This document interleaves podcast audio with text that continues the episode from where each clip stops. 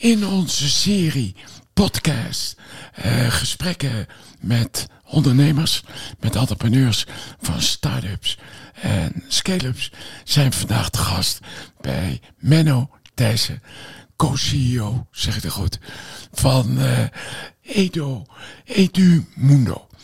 Edumundo, uh, de voorloper daarvan, is opgericht in 2001. Ze hebben een uh, zeer belangrijke strategiewijziging gedaan in 2015.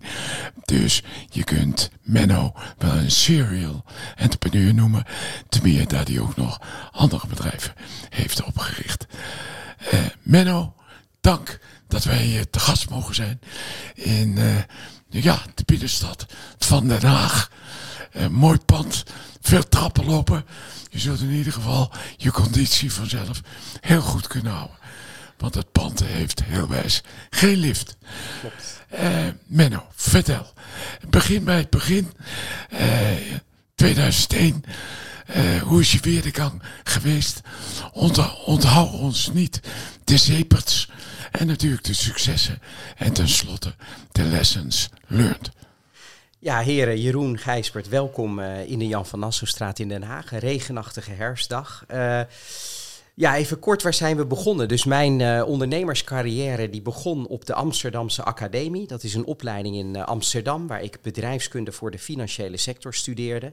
Ik zag mijn opa vroeger altijd achter de teletext kijken naar beurskoersen. En toen dacht ik, dat wil ik later ook. En in die opleiding werden wij in de eerste week, dus in de introductieweek, in een uh, business game uh, geworpen, zou ik maar zeggen, als studenten. Nou, in die business game, daar maak je de beste vrienden. Dus daar ontmoette ik in mijn team Patrick Bouwens. En met Patrick ben ik het jaar later eigenlijk gestart om onze eigen business game te bouwen. En die werd ook in die introductieweek gebruikt. Dus wij werden verantwoordelijk voor die introductieweek van de studie waar we zelf een jaar eerder waren begonnen. Dat was op zich puur alleen maar leuk. We hadden wat tijd over. We dachten, uh, daarmee uh, kunnen we de nieuwe studenten ook uh, wat beter leren kennen. Daar heb ik mijn vrouw dus ook leren kennen, dus dat is gelukt. Um, maar die simulatie die wij hadden gebouwd voor die week, daarin moesten studenten een bierbrouwerij runnen. Dus dan moest je marketingbeslissingen nemen, nadenken over financiën, nadenken over productie. Die werd al heel snel ook bij allerlei bedrijven gebruikt, want we hadden dat op internet gezet. Dus onder andere Ernst Jong was onze eerste klant.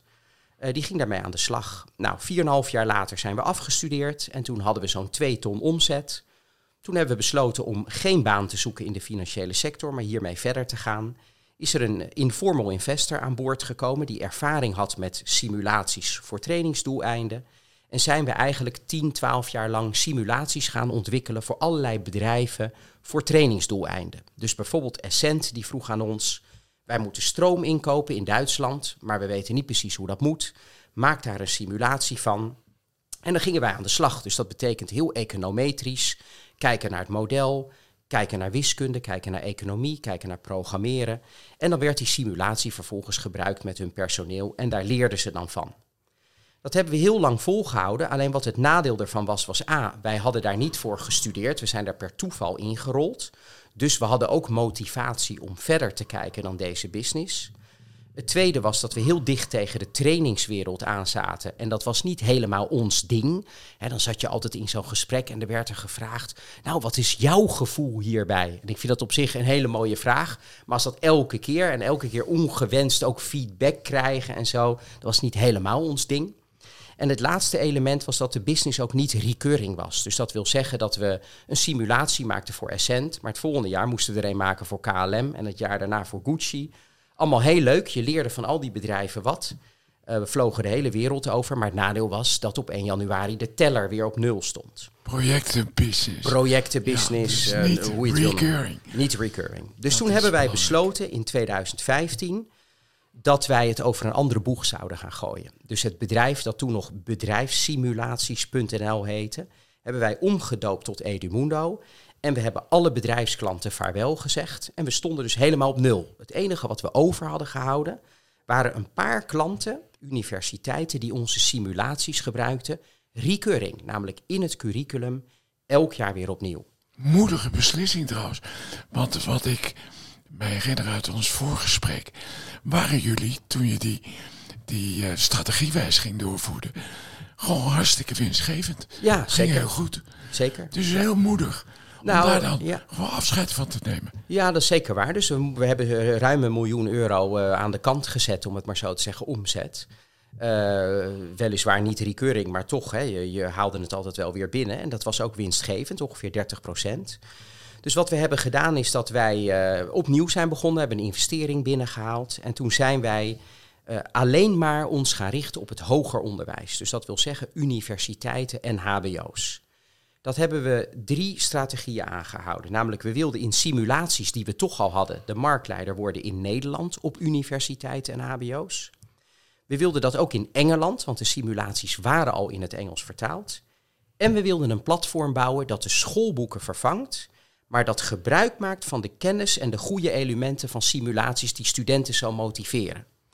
Nou, nu zijn we inmiddels vijf jaar eh, ietsje meer verder. Eh, we hebben eh, heel wat titels. We hebben in Engeland ongeveer 50, 60 procent van de hoger onderwijsinstellingen als klant.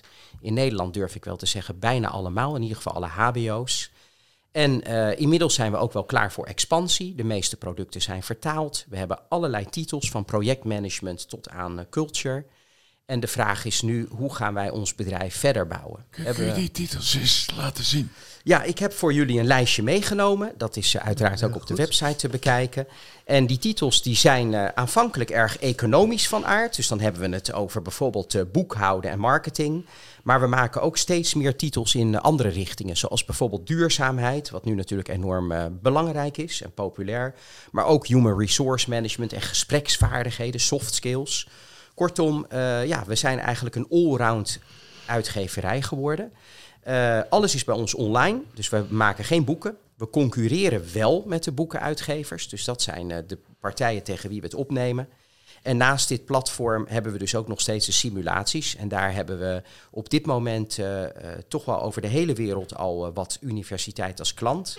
En dat heeft te maken met het feit dat Engelse universiteiten vaak een dependance hebben in een ander land, bijvoorbeeld in Shanghai of zelfs op de Malediven.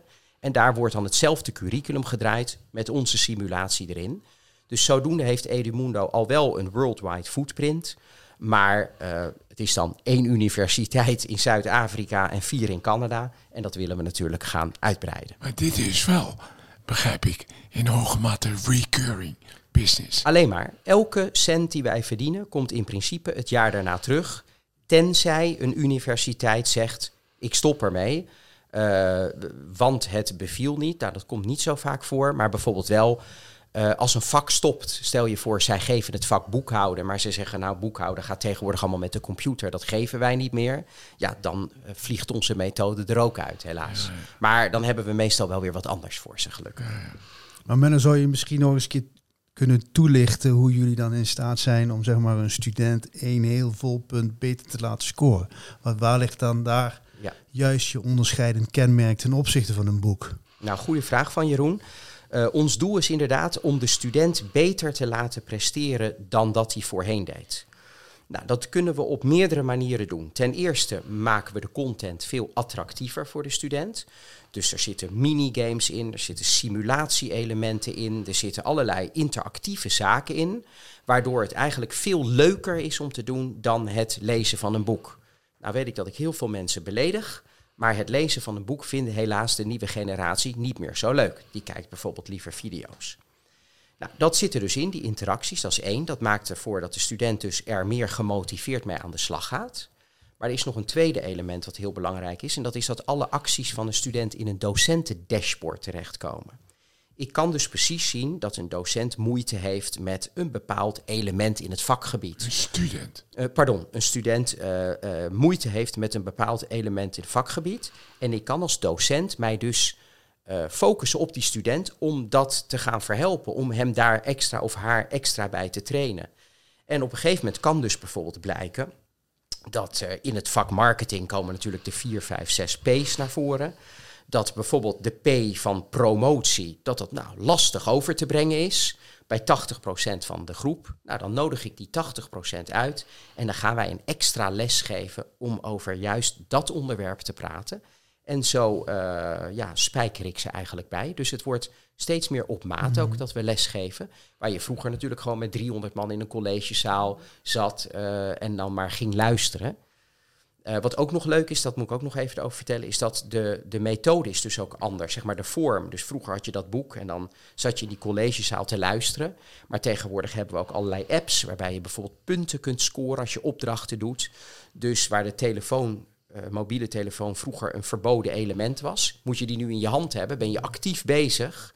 En dat is ook wat studenten leuk vinden. Dus het leren wordt echt heel anders door Edumundo.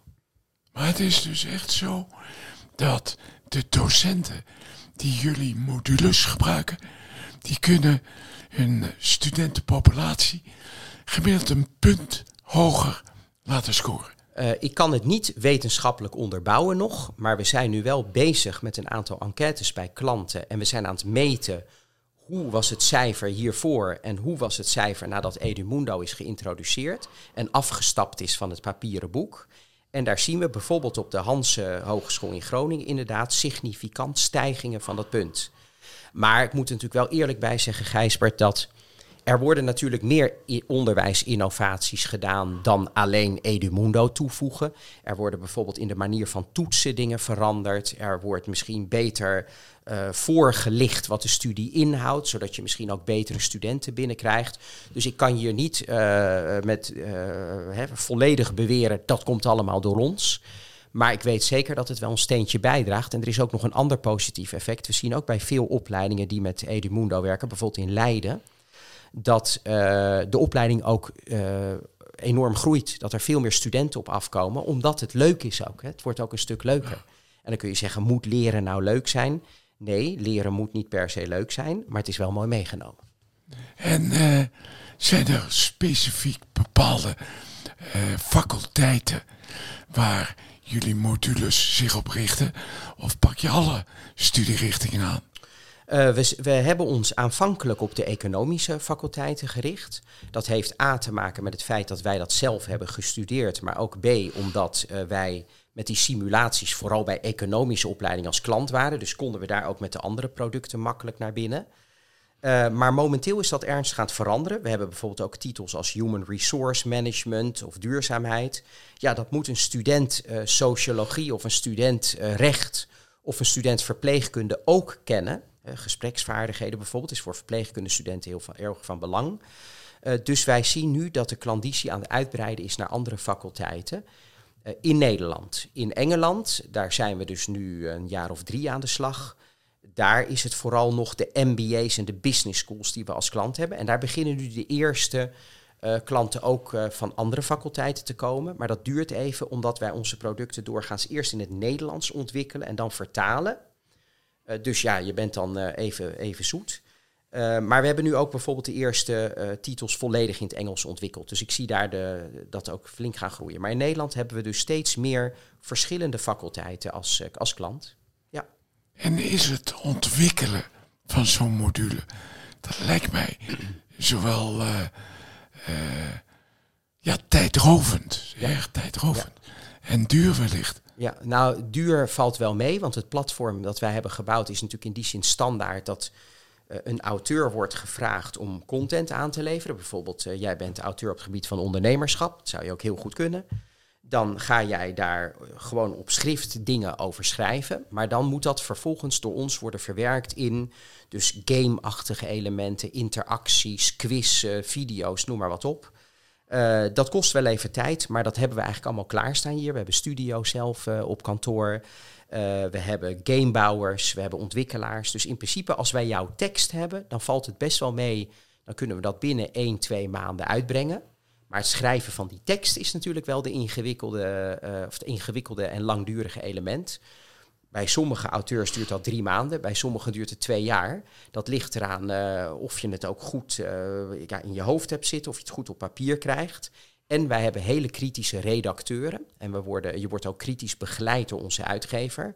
Als het niet goed genoeg is, ja, dan wordt het teruggestuurd, net zolang tot het goed is. Dan wordt het in productie genomen en dan is de tijd beperkt. Maar je hebt gelijk, de content moet wel op papier komen. Dus wij halen niet onze content bij andere uitgevers vandaan. Je moet dat from scratch opnieuw ontwikkelen. Juist. En uh, Nou ja, je bent twintig jaar al aan het ondernemen. Eh, je hebt één keer, voor zover ik begrepen heb, al een majeure strategiewijziging gedaan. En niet omdat het moest, omdat de vorige strategie niet werkte. Je was winstgevend, maakte een prachtige winst van drie ton. Toch heb je het aangedurfd. Als je nou terugkijkt over die twintig jaar, wat zijn voor jou en jouw team de lessons learned? Zowel in termen van de, de do's als de don'ts. Nou, van die laatste leer je meestal het meest. Klopt. Maar dat zijn ook de duurste lessen. Ja, klopt. Nou, kijk, wat voor mij heel belangrijk is, het is voor iedereen een persoonlijke uh, reis, dat ondernemerschap. En wij hebben dus ook echt een maatschappelijk doel. Hè. Dat wil zeggen dat wij dus uh, echt willen dat studenten beter leren en betere cijfers halen. Uh, ik weet zeker dat als Patrick en ik een frietkraam waren gestart tijdens onze studie, hadden we waarschijnlijk veel meer verdiend en hadden we nu heel veel frietkramen. Dus je moet bedenken dat in alles wat wij hebben gedaan, is die maatschappelijke missie wel een element geweest. En misschien ook wel een vertragende factor. Zoals je het over do's en don'ts hebt. wij zaten in digitaal online leren. Dat is eigenlijk pas tijdens corona ontploft. Daarvoor waren natuurlijk nog heel veel docenten en studenten die daar niet aan wilden. En kregen we ook vaak nog uit enquêtes terug. Nou, ik leerde liever uit een papieren boek. Nou, dat zie je nu eh, echt extreem hard veranderen. Uh, dus laat ik zeggen, dus één element is ja, de manier waarop wij hebben gekozen voor ons ondernemerschap heeft wel een bepaalde uh, tijdspanne gegeven die langer is dan wat je normaal zou misschien verwachten. Maar nou is die 20 jaar natuurlijk, het bedrijf heeft allerlei karakters gehad, dus je zou dat ook in drieën kunnen hakken, waren eigenlijk drie bedrijven van zeven jaar. Uh, een ander element wat voor mij heel belangrijk is, is dat, ja, weet je, uh, het is allemaal leuk en aardig dat maatschappelijk, maar het moet natuurlijk ook financieel renderen. En het moet ook recurring zijn. Want elk jaar de teller op 1 januari op nul is vind ik verschrikkelijk. Dat is niks voor ons. Daar word je onrustig van. Daar kun je je, uh, hè, zeker als je zoals wij nu 35 mensen in dienst hebt, dan wordt het heel moeilijk om dan uh, uh, die mensen ook allemaal aan boord te houden en zekerheid te geven. En dat willen wij graag. Wij houden ervan dat mensen lang bij ons blijven werken. Dat gebeurt doorgaans ook. Dus wij, ja, dus, dus recurring business. Dat was voor ons heel belangrijk om die te zoeken. En al onze business is nu recurring. Er is bijna geen euro die eenmalig is, denk ik. Ik zit zo even na te denken. Nee. Um, dat is een belangrijke lesson learned. En wat ook belangrijk is, is kijk, Patrick en ik, mijn compagnon, zijn als studievrienden begonnen. En studievrienden, dat is heel leuk. Dat betekent dat we dus ook één keer per jaar met de gezinnen in Disneyland of in Legoland lopen. Maar je moet wel kritisch op elkaar kunnen zijn, ondanks dat je ook als vrienden uh, en als gezinnen met elkaar omgaat. Nou, en dat is bij ons in die twintig jaar nooit een probleem geweest, omdat we ook echt ieder ons eigen terrein hebben. Patrick bemoeit zich totaal niet met de commercie. Kan die ook niet? Nee, grapje. Uh, ik bemoei me totaal niet met IT. Kan ik ook echt niet, is geen grapje. En wat je dus ook ziet, is dat dat totaal gescheiden is. Natuurlijk houden we elkaar op de hoogte, maar we laten elkaar er vrij in. En wat belangrijk is, is dat we elkaar volledig vertrouwen. Nou, dat is denk ik belangrijk. Want onze informal investors zei ons ook altijd: ja, met vrienden ondernemen, dat kan eigenlijk niet, want dan durf je elkaar nooit de waarheid te zeggen. Nou, dat durven wij prima. Alleen voordat ik Patrick echt goed de waarheid op IT-vlak kan zeggen, dan moet ik wel van goede huizen komen. Dus ik vertrouw hem daar ook eh, ernstig op. Dus dat is een belangrijk element.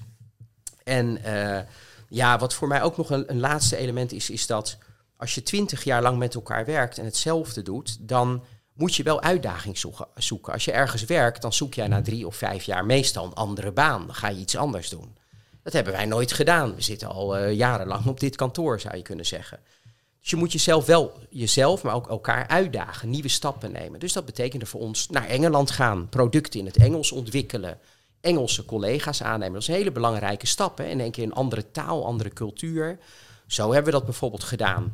Een bedrijf ernaast hebben om gewoon ook eens een keer uh, een andere markt te ontdekken. Uh, natuurlijk niet te veel tijd in stoppen, uh, maar wel gewoon ons andere ondernemers vooruit helpen, daarover praten.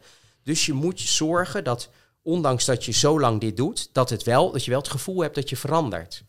En nou is bijvoorbeeld bij mijzelf zo, ik woon in Voorburg en ik ben opgegroeid in Rijswijk. Dat is ongeveer vijf kilometer van elkaar. Ja, dan heb je af en toe natuurlijk het idee dat je in een hele kleine wereld leeft. Dus voor mij is het ook van belang om veel internationaal te doen, om veel te reizen, om het vliegtuig te pakken. Dat houdt mij gemotiveerd. Dat geeft mij niet het gevoel dat ik constant in hetzelfde leefomgeving zit, maar dat, hè, dat het ontwikkelt. En of dat dan. Uh, Uh, ja, dat, dat is eigenlijk denk ik een belangrijke. Dus jezelf uh, scherp houden en ontwikkelen en elkaar ook. Dus dat zijn een beetje de lessons learned. Ik zit nog even te bedenken of er wat anders is. Ja, ik heb zelf natuurlijk ook nog persoonlijk een heleboel lessons learned. Ik ben een uh, vrij vrolijk en enthousiast iemand. Dus bijvoorbeeld sollicitaties, dat kan ik eigenlijk niet. Als iemand bij mij komt solliciteren, dan geef ik een hele mooie show over Edmundo. Dan is vervolgens die sollicitant verliefd en dan, ja, dan is het een prachtig gesprek. Terwijl je een sollicitant juist moet doorzagen. Kun jij dit? Heb je die kwaliteiten? Nou, dat kan Patrick dan heel goed. Dus eerst krijgen ze dan mij te zien. Dat is de mooi weershow. Dan komt Patrick binnen en dan wordt het allemaal erg spannend en zweten. En daar zie je dus ook, dus, dus wat ook een belangrijke learning is, is wat kan je wel en wat kan je niet. Nou, zo ben ik gelukkig ook in heel veel dingen wel goed. Die pak ik dan wel weer op. Uh, maar dat is denk ik ook een belangrijke. Dus je persoonlijke ontwikkeling in die 20 jaar. Ik werk niet voor een groot bedrijf. Ik krijg geen trainingen aangeboden. Ik heb geen manager die mij zegt hoe het wel of niet moet. Ik moet mijzelf ontwikkelen. Ik moet mijzelf leren kennen. En dat doen wij op deze manier. Ook door uh, coaches of andere mensen te betrekken bijvoorbeeld. Menno, mag ik jou hartelijk danken voor een uh, buitengewoon interessant gesprek over jouw bedrijf en het zijn van ondernemer gedurende de laatste 20 jaar. Dankjewel. Dankjewel. Geen dank. Bedankt voor jullie komst, mannen.